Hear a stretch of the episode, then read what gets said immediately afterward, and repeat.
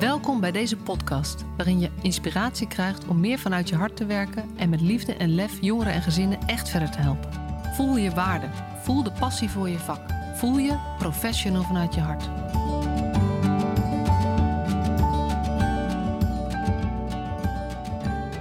Een nieuwe aflevering van de Professional vanuit je hart podcast. En vandaag met Irene Kersten, die ik zelf ook nog niet zo goed ken. Dus ik ben heel benieuwd naar haar verhaal. Zij heeft ehm, eh, een bedrijf Rust naar Impact. Uh, en zij richt zich op uh, het begeleiden. Hoe begeleid je mensen die een, na een heftige, schokkende, impactvolle gebeurtenis. Ik gebruik even alle woorden die je daarbij zou kunnen bedenken. En um, zij heeft de afgelopen jaren dat vooral gedaan richting volwassenen. Veel bedrijven vragen daarom. En ze merkt eigenlijk dat, dat er best wel weinig aandacht is hoe je dat dan doet bij jongeren. Dus het is een hele mooie aanleiding om eens in deze podcast, die toch voor jeugdzorg, uh, sociaal domein, jongvolwassenen uh, bedoeld is. En uh, ja, ik ben heel benieuwd om daarover te horen. Welkom Irene. Dankjewel, Masja. Ja, hey, en um, ja, ben jij een professional vanuit je hart? Ja, ja, dat ben ik echt wel. Ik, ik ben iemand die heel dicht bij het hart staat. Ik, ik, ik ja, en dat is ook hoe mensen mij beschrijven. Um, ik ben nooit iemand geweest die dat, die dingen precies volgens het boekje doet. Um, ik heb jaren bij de politie gewerkt, daar zou je dat wel van verwachten. En, en natuurlijk deed ik de dingen zoals ze, zoals ze gedaan moeten worden, maar altijd ook wel op mijn eigen, eigenzinnige manier. En ik merk dat dat ook gewoon werkt. Dan sluit je echt aan bij wat de ander nodig heeft. En ja, dat vind ik zo belangrijk. Dat mis ik zelf soms nog wel eens. En wat bedoel je? Dat mis ik zelf ook wel eens? Nou, um, dat soms uh, professionals zo staccato kunnen reageren. Uh, uh, zo is het geregeld en zo gaan we het doen. En dan denk ik, ja, maar je bent toch ook een mens? Hoe, hoe, je, je, kunt ook op een andere manier naar een situatie kijken. En sluit nou toch eens aan. Nou ja, um, dat, dat kan van alles zijn. De school van mijn, een van mijn kinderen. dat luister nou toch eens naar dat jong. Dan, dan weet jij wat er in hem leeft. En kun je, dan kun je nog aansluiten. Dat mis ik soms gewoon. Ja. En ik probeer dat zelf wel echt te doen, ja. ja. En dat krijg ik ook terug. Ja. ja. Van de week zei nog iemand tegen mij, ik kwam een, een eh, grote presentatie geven bij uh, een aantal professionals. En toen zei iemand daarna, ja, je bent wel echt een mens. Ik denk, ja, wat dacht je dan? Ja. Maar ja, kennelijk wordt het zo niet altijd ervaren. Nee, en het is ook wel mooi dat je de, de politie noemt. Ik, ik zei al tegen jou, ik, zou heel, ik zou het heel leuk vinden om een paar afleveringen met, uh, met, met agenten of mensen die bij de politie werken, want het zijn meer dan agenten natuurlijk, uh, om, die, om daar eens op te nemen. En nou ja, dat gaat ook wel komen, maar die organisatie is natuurlijk ook wel, um, daar kan je naar kijken als dat zijn mensen die zorgen dat de wet gehandhaafd wordt, zeg maar. Terwijl als je ook, ik ben op LinkedIn vooral, dat is ja, zo, ja natuurlijk, daar staan ze voor. Maar, zo, um, ja, maar zo onder de indruk ook van um, wat voor plek je kunt nemen op een heel cruciaal moment in het leven van iemand waar je mee te maken krijgt. Ja. Juist ook bij de politie. Ja, want is, is het lang geleden dat je daar hebt gewerkt? Ik ben daar begin 2018 weggegaan, dus dat is uh, nog niet zo heel erg lang. Nee. Alhoewel het wel de tijd sneller gaat uh, dan je denkt. Ja, ja. Bijna vijf jaar. Ja, en de reden ja. was ook dat je met dat rust naar impact iets wilde gaan doen. Nou, niet helemaal. Ik ben in 2014 ben ik uh, mijn eigen bedrijf gestart. Daar kan ik wel even wat over vertellen. Uh, want bij de politie, um, daar heb ik dus een kleine 25 jaar gewerkt. En daar merkte ik eigenlijk altijd dat ik um, wat meer aanging op... hé, hey, wat doet iets nou met een mens? Dan zeg maar uh, sec uh, boeven vangen, waar je dan eigenlijk als politie voor moet staan. Maar ik vond het altijd, goh, hoe is het nou voor jou? Uh, een, een, aanrijding, wat heb je dan nodig om weer de draad van het leven op te kunnen pakken? Ik, zo geef ik ook heel vaak het bericht aanzeggen van een overlijden. Ja, dat is eigenlijk de vreselijkste klus die je kunt doen als politie. Maar als die klus dan toch gedaan moet worden, geef hem dan maar aan mij. En um, ik merkte dat ik daar ook heel veel voldoening uit, uh, uit haalde. En ik, ik, ik, ik pakte daar mijn ruimte in en ik kreeg die ruimte ook. Um, ja, ik, ik denk dat ik veel dingen toch ook wel op mijn eigen, eigen gereide manier aanpakte. En ik merkte gewoon dat dat, uh, dat het werkte. En ook de organisatie er ook blij mee was. Ja. ja. En toen ben je in 2014 met je eigen bedrijf begonnen? Ja, oh ja, dat wilde ik zeggen. Um, ja, dus, dus wat, wat doet iets met een mens? Dat vond ik altijd um, heel belangrijk. En zo vond ik dat ook voor mijn eigen uh, politiecollega's. Dus op een gegeven moment ben ik lid geworden van het team collegiale ondersteuning.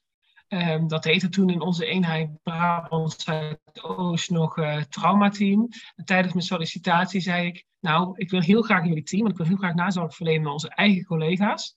Uh, maar al kunnen we niks aan die naam veranderen, want ja, als je geen klanten wil, dan moet je een traumateam noemen. Uh, dus uiteindelijk kon die teamchef van toen daar wel uh, in meegaan en zijn we gaan brainstormen en werd dat het team collegiale ondersteuning, TCO. Toen waren we een beetje een vreemde eend in de bijt in het hele land, want overal heette het BOT-team of BOG, bedrijfsopvangteam, bedrijfsopvanggroep. En wij heten dan TCO, team collegiale ondersteuning. Maar bij het start van de nationale politie TCO. En nu zelfs ook bij de brandweer en de ambulance. Dus uh, dat vond ik wel even een, een grappig dingetje om te benoemen. Maar in 2014 uh, had ik al de, de behoefte om, uh, om daar met dat stuk meer te doen. Dat werd ik ook eigenlijk op toe aangezet door de collega's die begeleiding van mij hadden gehad. Je moet hier meer mee doen. Dus toen sprak ik dat uit bij de politie, want ik wilde me eigenlijk wel fulltime bezighouden met de psychosociale nazorg. Ja, dat kon dan niet. En toen flapte ik er eigenlijk uit van, ik heb niet gezegd dat het bij de politie moet. En toen dacht ik, hé, wat zeg ik nou? En toen ben ik eigenlijk out of the blue ben ik voor mezelf begonnen. Uh, en uh, sindsdien uh, doe ik opvang en nazorg bij allerlei bedrijven. Dat, dat kan van de Albert Heijn naar een, een overval of een geweldsincident in, in, incident in de winkel, tot een bouwbedrijf waar een bouwongeluk geweest is, of afgelopen februari. Ja, hele grote opdrachten, Apple Store met de gijzeling. Ja, en, en, van alles wat ertussen zit. En, en, ja, en ik, overal waar ik binnen stap, ik binnen als uh, zacht mens. Maar wel duidelijker wat er gebeuren moet. Dus het management krijgt voor mij wel de opdracht. Dit en dit en dit heb je nu te regelen voor jullie mensen. En ik denk dat die combinatie prima werkt. Um, nou, de reden dat ik uiteindelijk bij de politie weg ben gegaan, is dat ik in mijn gezin een jaar naar de VS ben gegaan. Dus uh, dat is weer een heel ander verhaal. Maar die kans kregen wij. En um, uh, bij terugkomst zou ik eigenlijk teruggaan naar de politie en dat is er nooit van gekomen. En sindsdien uh, ja, moet ik mijn eigen broek ophouden. En uh, ja, als je de ene deur dichttrekt, dan gaan er een heleboel andere deuren open. En uh, dat is bij mij wel echt heel duidelijk gebleken. Ja. Sindsdien loopt het ook als een tierenlier. Ja, mooi hoor. Hey, en um, je, de aanleiding van deze podcast dat jij een, op LinkedIn ook een, een oproep had geplaatst. En we hadden elkaar al via via even zo van elkaar gehoord. Maar uh, je had ook een oproep geplaatst. Die ja. zegt, joh, ik zou zo graag die opvang, um, die ondersteuning na een, een, impactvolle gebeurtenis. Weet je, ik, ik richt me op volwassenen, maar ik vind het zo belangrijk dat we daar ook voor jongeren meer aandacht voor hebben. Ja. Zou je ja, dat over willen vertellen? Ja, want de psychosociale nazorg voor volwassenen, die is best wel goed geregeld in Nederland. Als je een bedrijf bent, dan heb je allerlei uh, bedrijven, organisaties waar je aan kunt kloppen uh, voor, uh, voor ondersteuning voor jouw medewerkers. Als jij werkgever bent, dan heb je ook een verplichting om je werknemers bij te staan na, ehm, na impactvolle gebeurtenissen. omgekeerd kun je ook als werk, werknemer je leidinggevende uiteindelijk verantwoordelijk stellen voor hetgene wat je op het werk overkomt. Maar jongeren hebben dat overkoepelen niet. Um, we vinden wel met z'n allen van alles van jongeren dat ze het moeilijk hebben. Uh, de, um, veel, veel, depressieve klachten bij jongeren. Maar uh, jongeren die het moeilijk hebben en die dan nog eens iets heftigs meemaken, zoals het verlies van een vriend. En helaas is zelfdoding een van de thema's waar ik het meeste voor gevraagd word. Ja, dan, dan, dan staat alles toch op losse schroeven. En um, ik vind het uh, stuitend soms als ik leeftijdsgenoten van mij hoor. Uh, uh, als ik vertel over wat ik doe, komen er altijd verhalen naar boven. Toen ik zelf op de middelbare school zat, toen hadden we een ongeluk meegemaakt van een klasgenootje. En ik voel toen zo de eenzaamheid. Nou, die eenzaamheid onder jongeren noem ik vaak een eilandje van verdriet. Gevoelens van jongeren gaan heel erg naar de binnenwereld. Vinden ze lastig om te delen. Jongeren denken vaak, ik ben de enige die het zo moeilijk heeft. Um, voor de rest draait de wereld allemaal wel door. Of juist andersom. De jongeren willen ook nog wel eens tegen mij zeggen: Ja, ik ben maar een, ik ben maar een vriend. Maar zijn ouders, zijn broer en zus, daar is het pas moeilijk voor. Dan denk ik: Ja, waar blijf jij dan met jouw verdriet? Um, uh, dus. En terwijl die psychosociale nazorg voor volwassenen goed is geregeld, er is ook heel veel wetenschappelijk onderzoek naar gedaan. En voor jongeren is dat er eigenlijk niet. Terwijl we weten, uh, ook uit uh, heel veel wetenschappelijk onderzoek, dat uh, sociale steun de allerbelangrijkste beschermende factor is bij elke vorm van ellende. als jou iets heftigs overkomt en er staat een heel cordon aan fijne mensen voor jou klaar, en die zegt, kom maar hier lieve schat met alles wat je mee hebt gemaakt, dan kom jij er wel. Dan heb je een hele vervelende situatie meegemaakt, maar dan kom jij er wel. Terwijl zo gaat het vaak niet. En zeker niet met jongeren in de jeugdzorg. die, die hebben al weinig steunsysteem. Dus ik, eh, met mijn methode Delen is Helen, zet ik me echt daarvoor in. Um, ik wil daar gewoon een podium voor krijgen. Ik wil dat die, dat die nazorg beter is. Ik wil dat die schrijnende verhalen die uit, tot het verleden behoren. Dat, en toch zijn ze ook nog steeds recent. Uh, van de week vertelde ook iemand tegen mij: Ja, mijn dochter uh, was op een schoolkamp in België. En uh, daar was een van de kinderen niet goed gezekerd met het afzeilen. En die staan naar beneden gestort. Verschrikkelijk ongeluk. een, een klasgenoot van de jaren 15 overleden bij, bij een schooluitje. En de school, er is toen nazorg beloofd en die is nooit gekomen. En degene die ik sprak vertelde nog, met regelmaat wordt mijn, mijn dochter s'nachts boos, wakker, zwetend, badend in het zweet. Dan zeg ik, ja, dat is voor ons toen beloofd en het is ons onthouden. En dan denk ik, hoe kan het? Hoe kan het dat dat gewoon niet beter is geregeld? Ja. En ja, daar kan ik voorbeelden over van, uh, van geven. Uh, ik was uh, kort geleden op een school. Er waren leerlingen verongelukt op een school een medeleerling, uh, uh, een van de jongens had het wel overleefd. En dan hoor ik van school terug van hoe is de nazorg dan voor de, voor de, sowieso voor degene die bij het ongeluk was. Want die heeft en een impactvolle gebeurtenis meegemaakt, de aanrijding. Die is en um, um, vrienden verloren. En die moet nu weer gewoon naar school. Um, en ik spreek dan altijd heel erg in beeldtaal, maar dan denk ik van ja, die jongen heeft toch gewoon een rode vlak op zijn hoofd. Iedereen weet dat hij die jongen is die bij dat, bij dat ongeluk was. Ik zei, wat heeft hij nu nog aan hulp? Ja, hij heeft een psycholoog toegewezen gekregen. Ja, dat wilde hij niet. Dan denk ik, ja, is daarmee de kous af?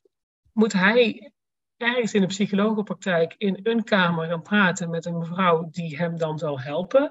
En die mevrouw zou het ongetwijfeld goed hebben bedoeld, maar dat sluit helemaal niet aan bij wat deze jongen nodig heeft. Uh, of wat hij misschien ook nodig heeft, maar wat hij in elk geval nodig heeft, zijn zijn vrienden.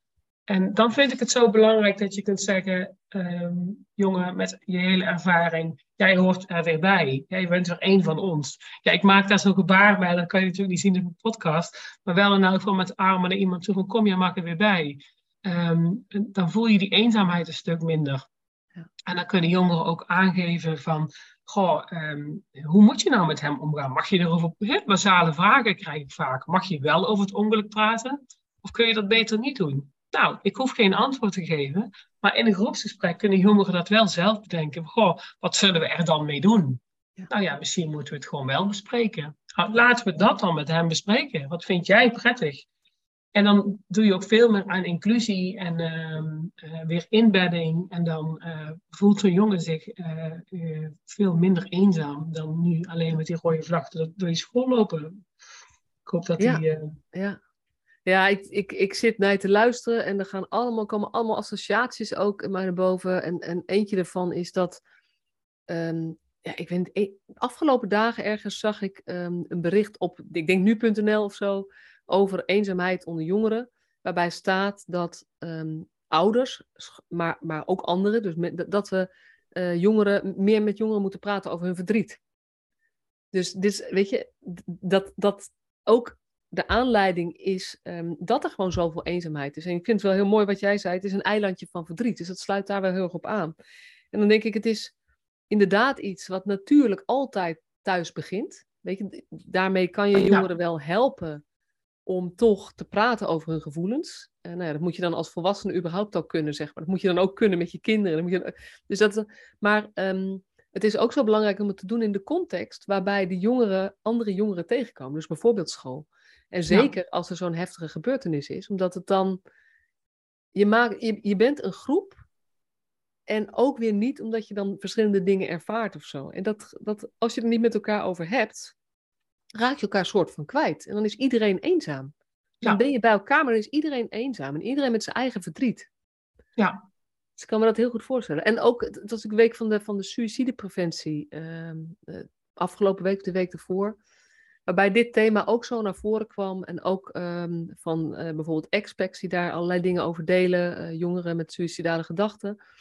Dat overal staat, jij bent welkom met jouw verhaal. En ehm, eh, hoe is het voor je dat jouw vriend of vriendin suïcidale gedachten heeft en dit ook uitspreekt naar jou?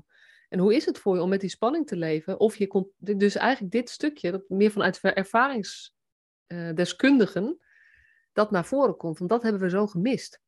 Ja. Dus ik herken het wel helemaal ook. Uh, en, ja, en wat we natuurlijk hebben is, is um, ja, er is een individueel probleem opeens, zeg maar. Iemand die zich dan terugtrekt, daar moeten we een hulpverleningstraject op zetten. Terwijl uh, een veel helender factor is dat je, sommige dingen kosten ook gewoon tijd. Rouw kost tijd.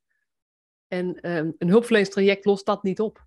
Nee, dat is heel mooi dat je dat zegt, want dat wordt me ook heel vaak gevraagd. Um, um, mijn, mijn, mijn zoon of mijn dochter is verdrietig, want uh, een, een dierbare verloren. Nu moet ik de beste psychiater of de beste psycholoog, nou psychiater nog niet altijd, maar dat ik wel de beste psycholoog hebben.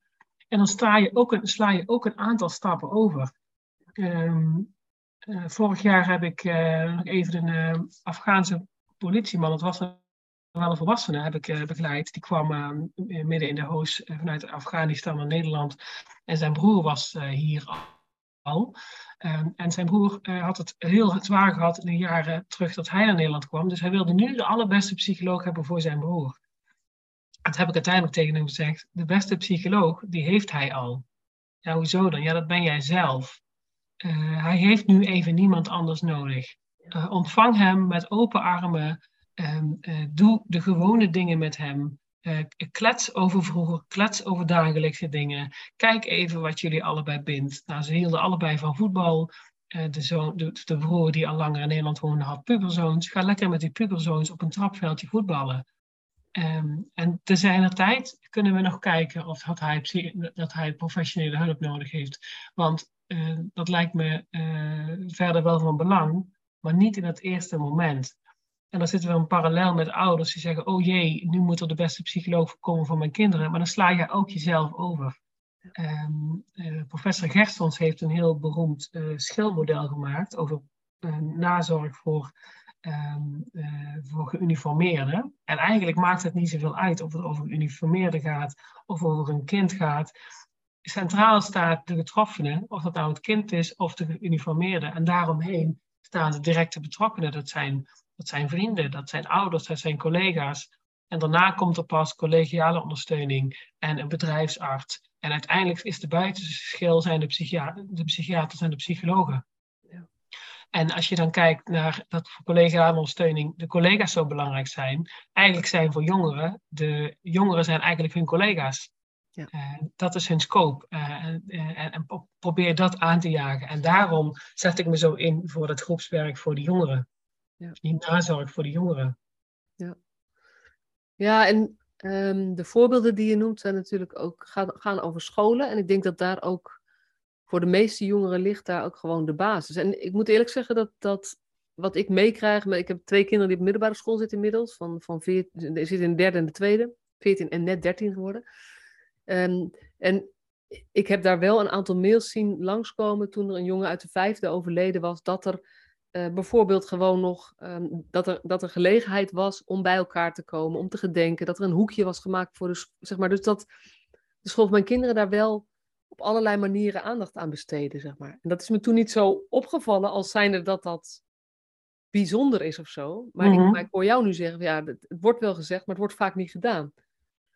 Nou, dat, dat, dat gedenkhoekje wordt meestal wel ingericht. Er komt vaak wel een, eh, een mail naar ouders. Um, um, er is vaak wel een gelegenheid om, om binnen te lopen. Um, ik denk dat scholen dat ook eigenlijk heel goed doen. Ik, zal echt hier niet beweren dat scholen dat niet goed doen. Want scholen, uh, het, uiteindelijk is het ook helemaal niet hun core business. Hun core business is lesgeven. Dus ergens vind ik ook dat scholen er te veel mee opgezadeld worden. Uh, je krijgt het er maar bij. Uh, en ik vind dat scholen daar beter ondersteuning in kunnen krijgen. Uh, sowieso heb je dan de scope van school, maar een leerling is meer dan een leerling. Een leerling begeeft zich ook buiten school, gaat uit, uh, zit op een sportclub, heeft een bijbaantje. Ik heb wel groepsopvang gedaan in een supermarkt, omdat daar een vakkenvuller zich van het leven had beroofd. En de werkgever had in de gaten van, goh, al die jonge jeugd die je de vakken vult, die zijn ontzettend hierdoor geraakt. En nou, toen hebben we ehm, de, de, gesprekken op verzoek van de werkgever hebben we in de kantine van de supermarkt gedaan. Ehm, en hoe, hoe, hoe had die. Want dat, ik vind dit wel echt een mooi voorbeeld van ook een werkgever die verder kijkt dan het zakelijk regelen van de dingen die geregeld moeten worden, zeg maar. Ja, maar jij weet je wat het was? Ja. Deze man had zelf uh, dit meegemaakt in zijn, in, zijn, in, zijn, in zijn jonge jaren. En voelde zelf heel goed uh, hoe eenzaam het toen was. En hij voelde, hij had die parallel met de jongeren die bij hem werkten. Dus hij dacht, ik moet hier wel iets mee doen. Ja.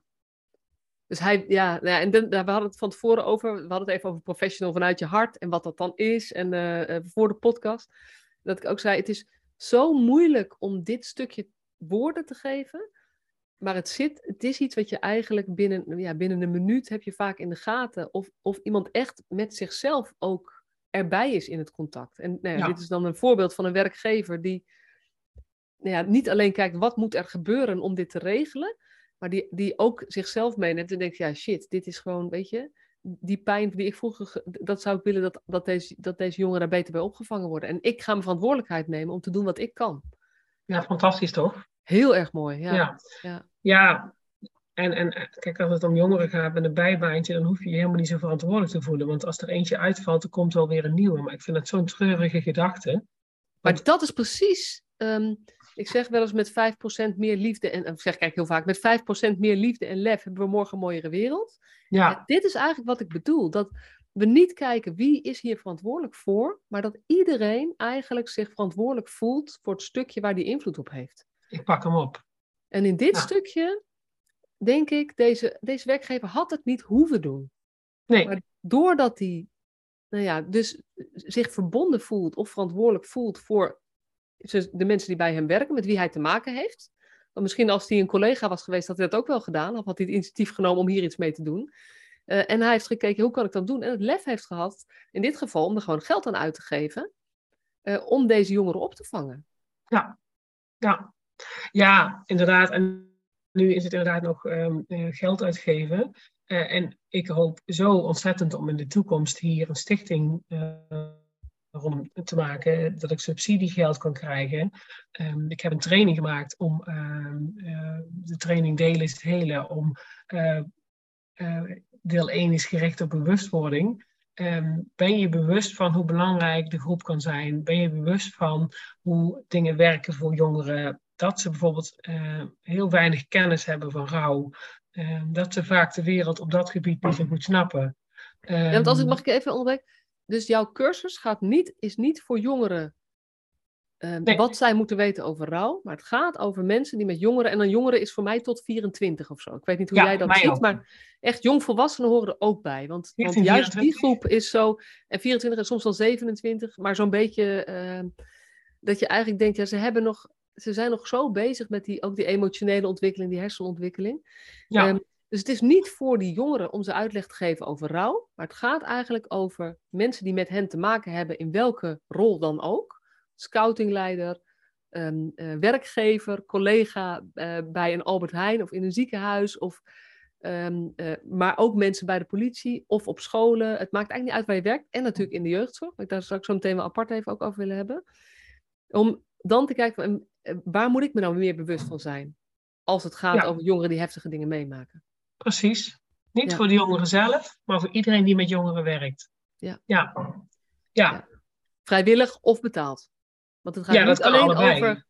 Want ik denk ja, en mijn grote droom is dat ik er een stichting van kan maken. Dat ik bijvoorbeeld aan een voetbalclub uh, kan zeggen: hey, voetbalclub, uh, jullie hebben te maken met het verlies van een, uh, van een, van een teamlid. Uh, ik kom uh, jullie ondersteunen bij deze ingewikkelde periode. Maar goed, dat is uiteindelijk mijn stip aan de horizon, daar wil ik naartoe. En het gaat ook wel gebeuren. Ja, ja precies. Zo werkt het, hè? Ja. Zo werkt het. Als je het kan zien, dan... Uh, als jij het niet tegenhoudt, dan gaat het gewoon gebeuren. Dat is een beetje... het gaat gewoon gebeuren, ja. Het gaat gewoon gebeuren, ja. Heel tof, heel tof. Want je zei, ja, de eerste module gaat ook over bewustwording. wat zit er nog meer in die training? Ja, bewustwording, kennis over rouw en verlies, eh, kennis over de peergroep. Um, wat, wat zijn de effecten van een impactvolle gebeurtenis als je jong bent op de lange termijn? Er zitten kijktips in, er zitten handouts in. Als je hiermee te maken hebt, ehm, een checklist. wat kom je tegen? een voorbeeldbrief van hey, hoe, hoe, stuur je nou zo'n brief naar jongeren toe als zo'n, als zo'n groepsgesprek plaats gaat vinden?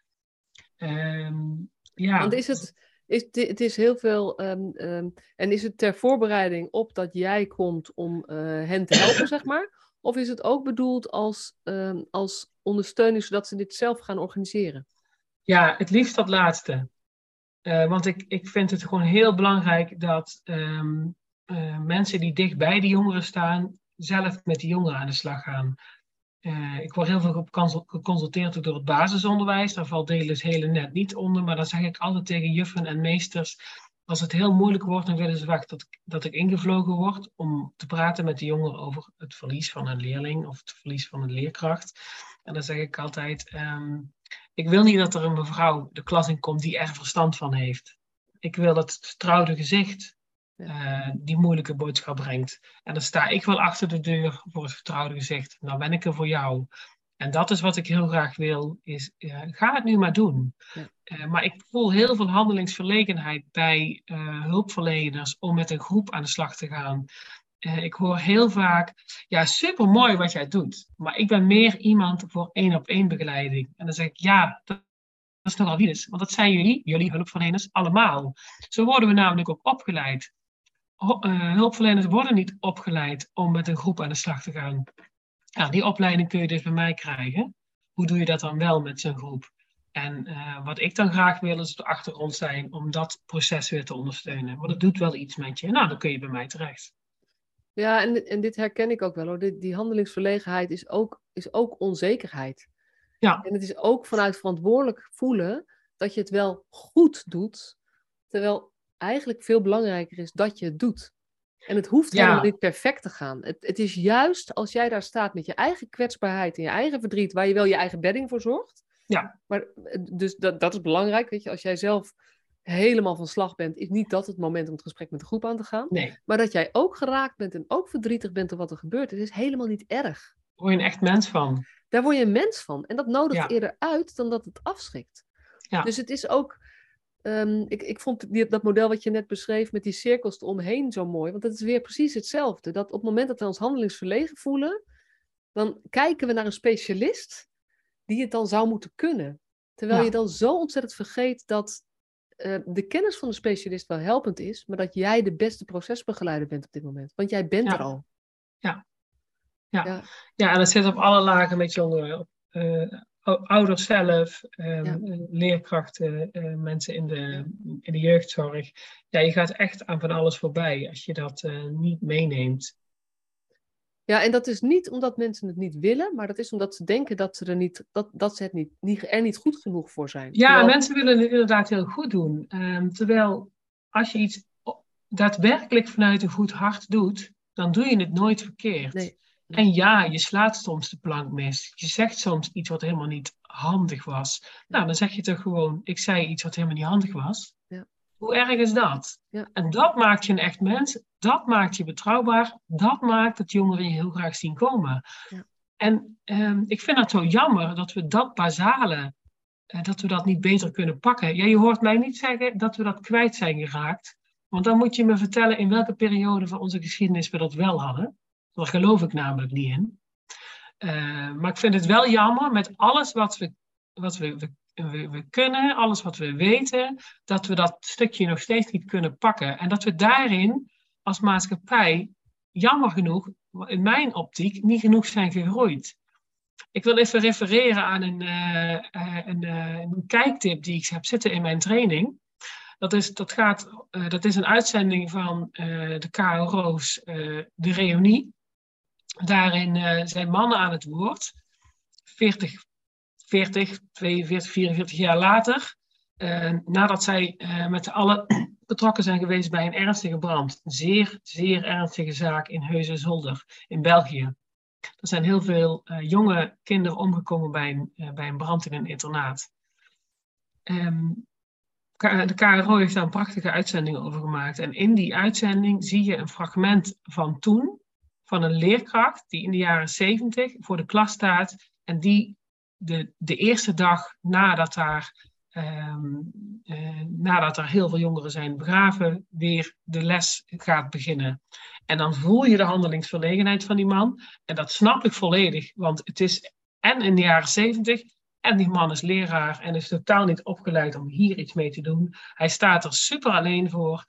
Uh, maar hem hoor je dan zeggen: ja, laten we de stoeltjes maar een beetje uit elkaar zetten.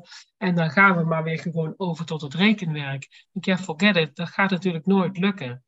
Uh, en diezelfde jongens, die zitten dus zoveel jaar later uh, in de reunie en die vertellen dan hele mooie dingen. Als een van de mannen zegt: um, Ik zag als een berg op tegen deze uitzending, maar ik wilde op een of andere manier wel graag meedoen. En ik ben nu zo blij. Ik vind het zo fijn dat we hier eindelijk over mochten praten. Uh, en want dit helpt ons, want we hebben er nooit met z'n allen over gepraat. Ik denk dat is 40 jaar, bij, bijna 50 jaar geleden. Hetzelfde collectieve gevoel, we hebben er nooit met elkaar over gesproken. Hetzelfde gebeurde met de brand in Café Het Hemeltje, 20 jaar geleden. meteen aan denken, ja. ja. Ja, en dan 20 jaar later zien er cameraploegen een mooie uitzending in. Dus die gaan daar filmen, die laten de slachtoffers van toen teruggaan naar Café Het Hemeltje. En wat zeggen de slachtoffers van toen? We hebben hier nooit met elkaar over gesproken. Um, een, kijk, een leestip in mijn, uh, in mijn uh, uh, training is ook het boek Zonder Handen, van een van de slachtoffers van de brand in Café Het Hemeltje. En die vertelt dan dat ze zwaar gewond in het ziekenhuis lag, weken, maanden aan een stuk. Ja, dan komt er een psycholoog aan haar bed zitten, aan haar bed, bed zitten en dan zit ze helemaal niet op te wachten. Dan denk ik, ja, vanuit jouw optiek snap ik het. En ik snap ook vanuit de optiek van de psycholoog dat het hartstikke lastig is. Um, maar dat, dat, slaat bij jongeren vaak de plank mis. Net als met de jongen die uh, betrokken was bij de aanrijding en die ik noemde de jongen met de rode vlag op zijn hoofd. Die is wel naar de psycholoog gegaan, maar dat, dat matcht niet. En dan houden we het af. Terwijl ik juist belangrijk vind dat de jongeren bij elkaar komen, die het samen met elkaar meegemaakt hebben, um, dat, dat we die bij elkaar brengen. Ik denk dat dat essentieel is. Um, en dan kun je daar nog, uh, en, en daar kunnen dan bijvoorbeeld nog wel één op één gesprekken met een psycholoog op volgen. Want dat is ook wat ik uh, beoog met mijn uh, manier van werken. Jongeren die dan iets meer nodig hebben, die moet je wel één op één begeleiding geven. Vanuit de warme overdracht, die ik dan ook heel belangrijk vind. Het zegt, hey, deze jongen koppel ik nu aan deze hulpverlener. In plaats van zeggen, hier het briefje en ga zelf het adres maar zoeken. Nou, ik, ik, ik haak nog even op dat jij zegt, um, we moeten jongeren bij elkaar brengen. Maar ik zie het zelfs nog iets groter. We moeten de mensen bij elkaar brengen.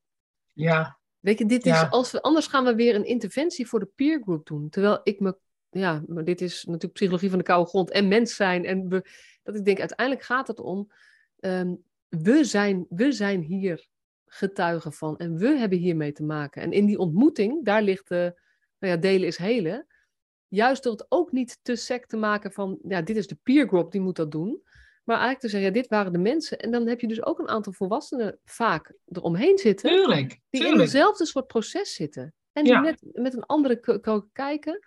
En, en als je daar dan ook al één of twee uh, mensen laat aansluiten die ruimte zouden hebben voor eventuele vervolggesprekken, ja. dan, dan heb je die warme overdracht dus niet per se nodig. Want dan ben je met z'n allen dat proces het ingaan. Ja. Dan is hij ja. er al, zeg maar. Want anders ja, dat is heel het, mooi. Anders ja. blijft het een beetje. Um, weet je, het is op zich al heel goed dat je niet traumatherapie voor, zeg maar, dat je dat eigenlijk als oplossing ziet. Dat, dat hoor ik jou heel erg zeggen en dat sluit me heel erg bij aan. Weet je, dat is soms nodig. Maar de heling zit eigenlijk bij andere dingen. En de traumatherapie is voor, voor de, ja, de specifieke um, uh, trauma's die daar dan bijvoorbeeld nog overblijven nadat de rouwperiode ook voorbij is. Maar de, um, het alsnog, als er dan een interventie in zit, we gaan de peergroup begeleiden. Dat doen wij toch als begeleider, een beetje als buitenstaander. En dan de jongeren die het nodig hebben, verwijzen we door naar een goede psycholoog. Dan zijn we een stapje dichterbij, dan nog niet in de ideale situatie, volgens mij. Nee, zo is het ook heel belangrijk dat je, dat je als professional laat zien wat het met jou doet. Dus je, ja. als je als leraar geraakt bent, hoe ja. erg is dat? Want dat hoor ik namelijk ook vaak zeggen, ja, maar dan begin ik zelf te huilen. En hoe erg is dat? Uh, weet je, dat is, ik ben een enorme huiler. Ik huil heel snel. En ik heb dus ik twee ook. pubers. twee pubers en ik heb het daar wel eens over. En um, uh, mijn zoon zegt altijd, ik vind het zo schattig. Dus dat is, het, het heeft helemaal niks. En het, het is ook ehm, eh, dat hij ook gewoon soms huilt. En dat hij ook, ik merk dat het voor hem niet lastig is. En ik denk dat ja, het feit dat ik dat vrij gemakkelijk kan laten gaan of toe kan laten, daarmee is, is dat is ook voorbeeldgedrag. En dat is, Ja. Ik heb een, in mijn boek een tekeningetje met twee poppetjes met eh, twee muurtjes. En dan gaat het over hoofd tot hoofd en hart tot hart communicatie. En ik geloof echt, als jij bereid bent jouw stukje van jezelf te laten zien, dus je muurtje naar beneden te doen, dan is dat een uitnodiging aan de ander om dat ook te doen. Ja, Wat wij, absoluut. wat wij doen, is dat we eigenlijk tegen de ander zeggen vanuit ons hoofd, en wij collectief het systeem, is: joh, weet je, bij mij ben je veilig, bij mij mag je alles laten zien. Maar intussen laten wij. En je zit zelf achter een muurtje. Ik hoor ouders ook zo vaak zeggen: eh, ja, Mijn kind praat niet. Nee. Nee, maar praat jij wel? Precies. Waar heeft jouw kind dat geleerd? Ja, ja. En tegen mijn kinderen zei ik altijd over dat huilen. Zei ik altijd: Als je moet huilen, moet je huilen. Nou, dan huilen we toch even. Ja. En het lucht op en het mag er zijn. En dat vinden we van elkaar ook eh, eh, volstrekt normaal. Ja, maar ja, terwijl en, hè, een man mag niet huilen, die hoor je ook nog super vaak. Zo'n ongelooflijke onzin. Nou, en schadelijk.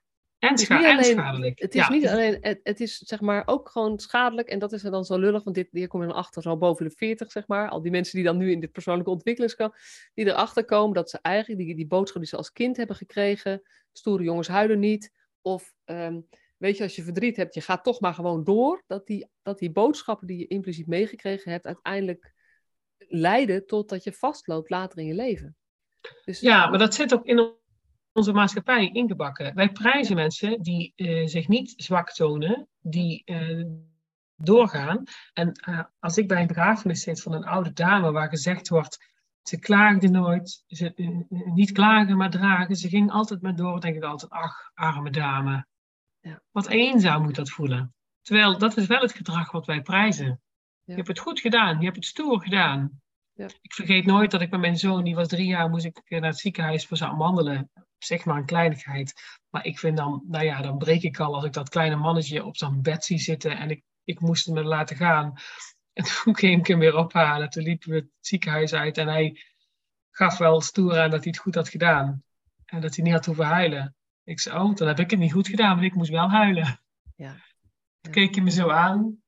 Oh ja, nee, dat maakt ook eigenlijk niet uit. Maar hij hoefde dan niet te huilen. Ik zei, nou, dat is, dat is prima. Dat is alleen maar fijn. Want anders had je je misschien alleen gevoeld. En voelde je toch de aanwezigheid van mama. Ondanks dat ik, het dan, dat ik jou daar achter moest laten. Maar ik vond het niet fijn. Ik moest huilen. ja, mooi. Ja, Ja. ja. Hey, ehm, ik zou nog even een stapje willen maken naar eh, jongeren die in de jeugdzorg ehm, eh, nou ja, verblijven of mee te maken krijgen. Dat zijn natuurlijk jongeren die, eh, mag ik zeggen, een bovengemiddelde hoeveelheid ehm, ingewikkelde gebeurtenissen vaak rondom zich hebben. En ook heel veel eenzaamheid ervaren. Heb jij ook wel eens iets gedaan al binnen de jeugdzorg wat dat betreft, zeg maar, vanuit het... ho- Hoe, denk je dat, dat ze dat binnen de jeugdzorg beter doen? Jongeren begeleiden met zulke soort dingen. Want het groepswerk is natuurlijk wel werken met groepen. Ik moet zeggen dat ik daar niet zo heel veel zicht op heb. Ik ben op zich eh, altijd veel ehm, in internaten geweest. Maar dat was eigenlijk vooral vanuit mijn, vanuit mijn politierol. Ehm, als het weer eens hommeles was. Ja. Eh, dan kun je je misschien wel iets zo voorstellen. Eh, Ja, maar dat speelt wel precies dat thema al. Want, want we Ja. hebben het nu over dat er een, iemand overleden is. Maar een heftig incident op een groep is net zo goed een impactvolle. Als er een stoel gegooid wordt.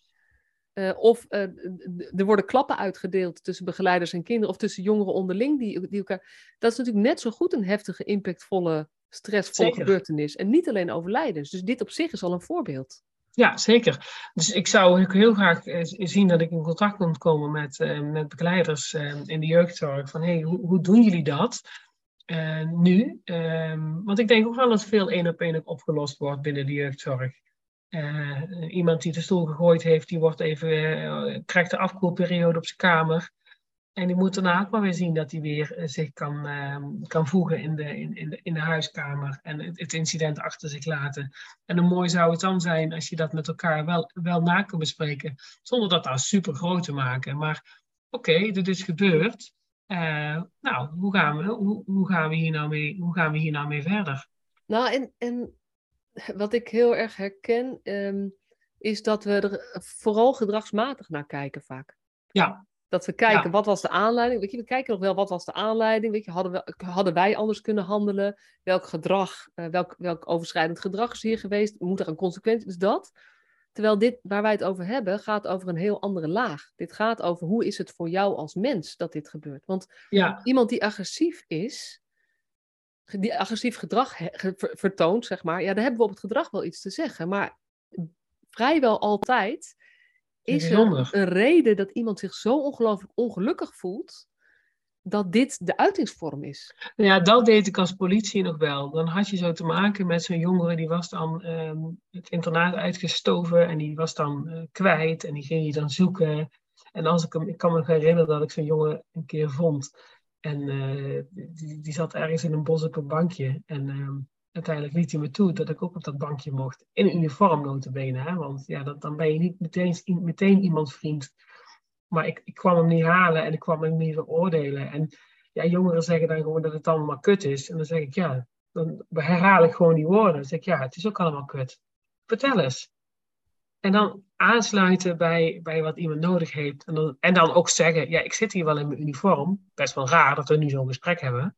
Maar ik heb wel echt oprecht belangstelling voor jou wat, wat, wat speelt er in jou?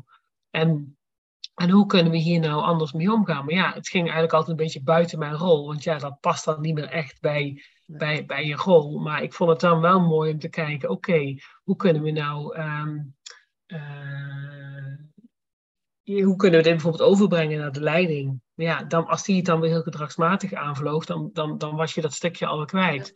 En zo vergeet ik ook nooit. En dat is ook een stukje betrouwbaarheid. Zo had ik te maken met een meisje in de jeugdzorg die, um, ja, daar speelde zoveel. En zij was uh, met regelmaat op een tijd zoek, uh, was zorgelijk waar ze zat. Uh, signalen als dat ze met een dure auto opgehaald werd. En dan gaan we bij alle alarmbellen rinkelen. Als een jonge mooie meid opgehaald wordt. Nou mooi, dat is trouwens niet belangrijk. Als een jonge meid opgehaald wordt door een dure auto. Dan gaan er bij alle alarmbellen rinkelen. Wat gebeurt daar? En daar heb ik me vaak voor ingespannen om, om met haar in contact te komen. En dat is dan gedeeltelijk gelukt. Maar ik weet nog, dat is wat ik wil vertellen, dat ze op enig moment was, was ze kwijt en stond ze ergens elders in het land op een station, was ze aangetroffen. En ik kreeg dat mee, dat dat meisje aangetroffen was. En toen uh, zou de politieeenheid van uh, waar ze aan was getroffen haar uh, terug gaan brengen. Ik zei, nee, ik ga haar halen. Ik ga die kant op en ik ga haar halen.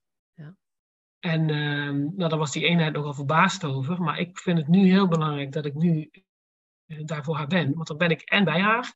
En heb ik de rit terug om met haar te praten. En dan kan ik kijken hoe kan ik haar weer overhevelen aan, aan de groep. Uh, en dan had ik dan altijd zo graag een vervolg aangegeven. Van, was ik het liefst met de groep in gesprek gegaan.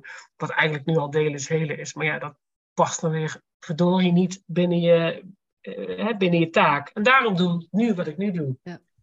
Ja, en, ah ja, en dit is wel ook de kern van, van waar professional vanuit je hart voor je over gaat, zeg maar. Dat als je voelt, weet, weet je, en, en waar zit dat dan in je lijf? Ik weet het niet.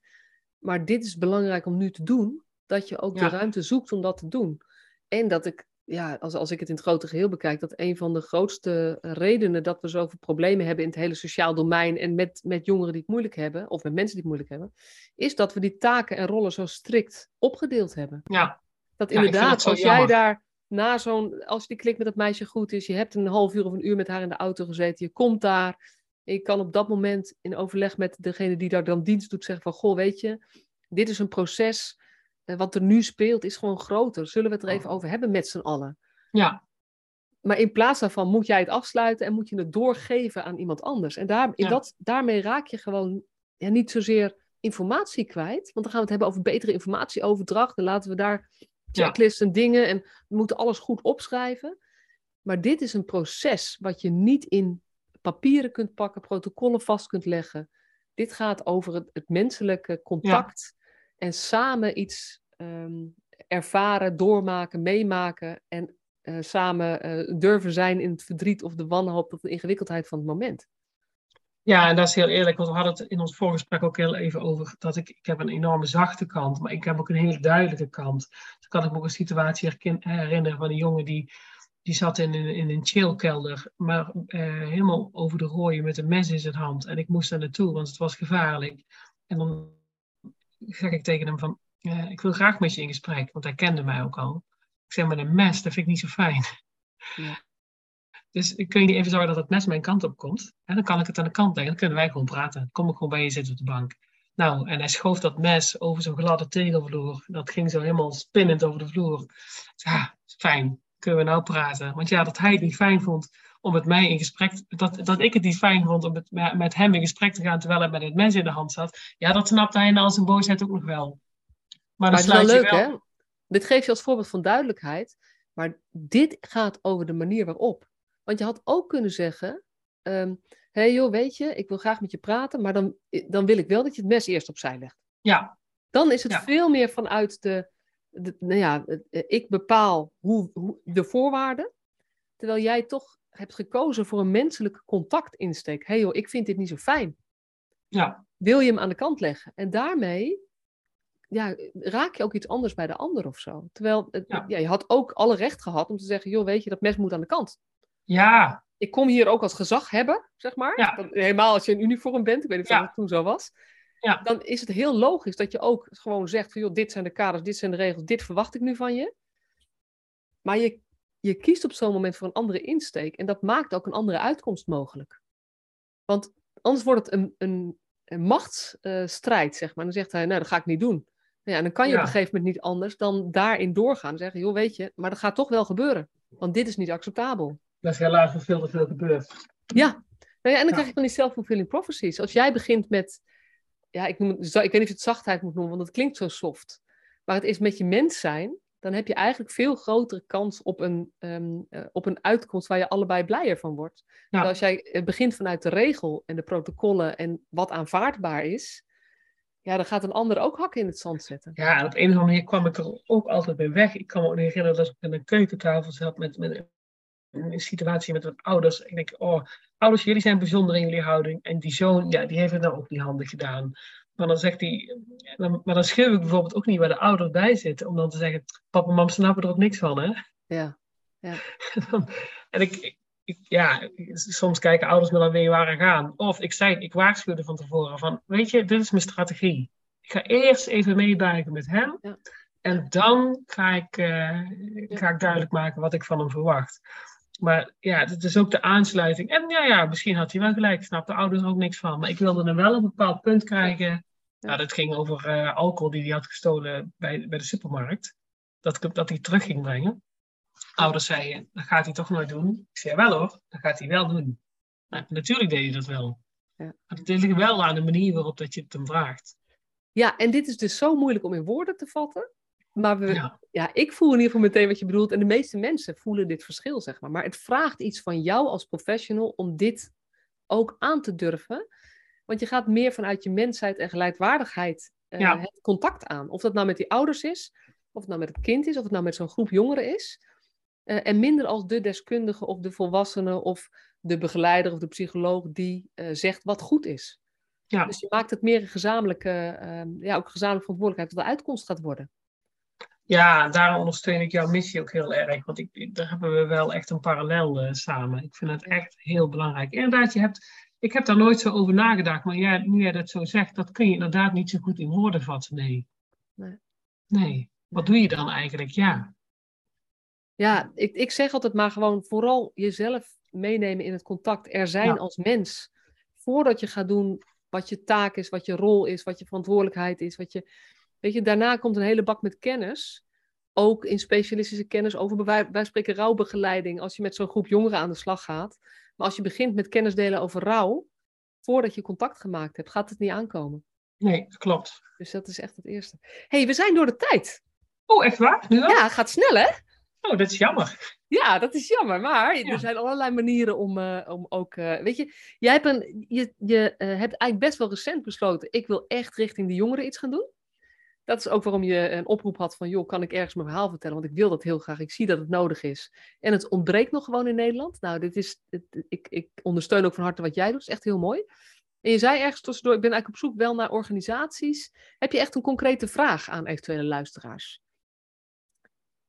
Ja, ik zou heel graag ehm, een, een, een, pilot willen starten in een, in een goede in een, in een gerenommeerde organisatie, in een goede organisatie, die zeggen ja, ik, eh, ik, ik wil eens een beetje om tafel om te kijken dat we dat ehm, ehm, ja, hoe, hoe, dat we onze incidenten in kaart brengen en dat we inderdaad volgens de manier van delen hele uh, mee aan de slag gaan. Ja. ja. dat zou ik heel graag willen. En ik heb natuurlijk, en ik heb ook al eens gedacht, ik zou wel, um, uh, ja, subsidie natuurlijk, maar ook misschien zijn er ook organisaties die zeggen, uh, ja, dit, dit raakt mij zo, ja, zeg maar gewoon een geldgieter. Iemand die zegt, ja, ik, vind het, ik heb al eens gedacht aan de KNVB met de voetbal. Ik wil wel alle voetbalteams ondersteunen als daar iets gebeurt.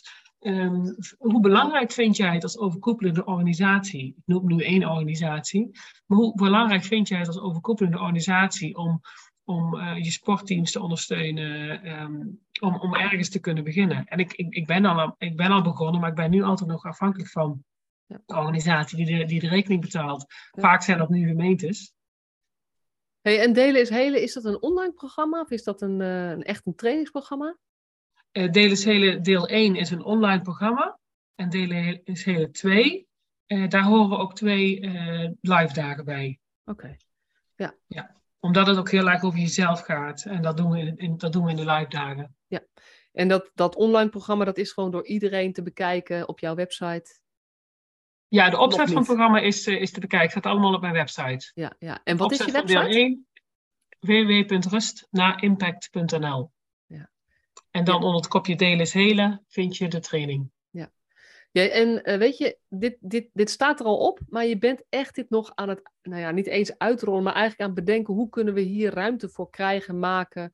Dus je zoekt gewoon mensen die ook aangaan op dit thema. Ja. Niet alleen organisaties die geld schieten, maar ook gewoon als er luisteraars zijn die echt denken van, hé, maar dit, dit herken ik en hier wil ik eigenlijk wel wat mee. Dan, um, uh, ja, Irene is ook gewoon op zoek naar, naar sparringpartners en mensen die in dit veld zitten. En ik denk, het is dan heel breed. Het gaat over voetbalclubs, het gaat over uh, scholen, het gaat over jeugdzorg, het gaat over nou ja, alle andere sportclubs, uh, mm-hmm. hobbyclubs, scouting.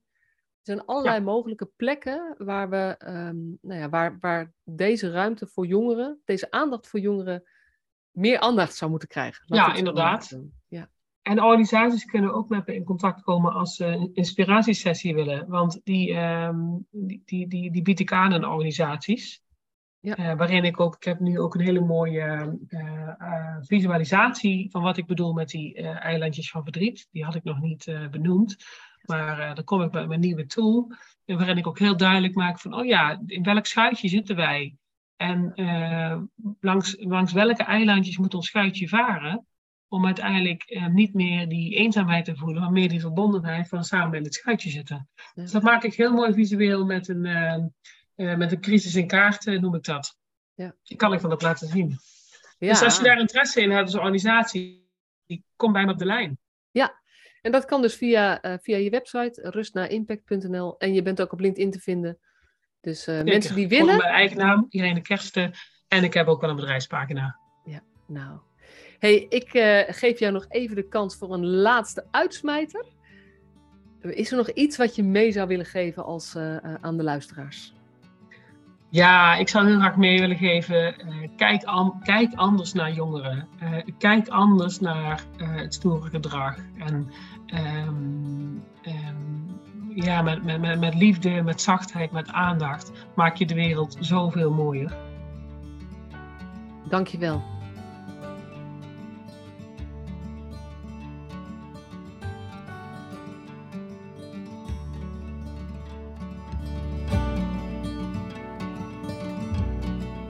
Superleuk dat je weer luisterde naar deze podcast. Dankjewel. Nog even kort een paar belangrijke dingen. Ten eerste, het is mijn missie dat de jeugdhulp weer een sector wordt waarin bevlogen, liefdevolle professionals jongeren en gezinnen echt verder helpen. Daarom maak ik deze podcast voor jou. Wil jij deel uitmaken van deze beweging van Professional vanuit je hart, waarin professionals elkaar steeds opnieuw inspireren? Begin dan met het lezen van mijn boek. Je kunt de eerste hoofdstukken helemaal gratis lezen. Ga naar professionalvanuitjehart.nl slash boek. Ten tweede, wil je alle podcastafleveringen overzichtelijk onder elkaar? Abonneer je dan op deze podcast. Klik in je podcast-app op de button subscribe of abonneren. En elke keer als er een nieuwe podcastaflevering gepubliceerd wordt, ontvang je automatisch een berichtje.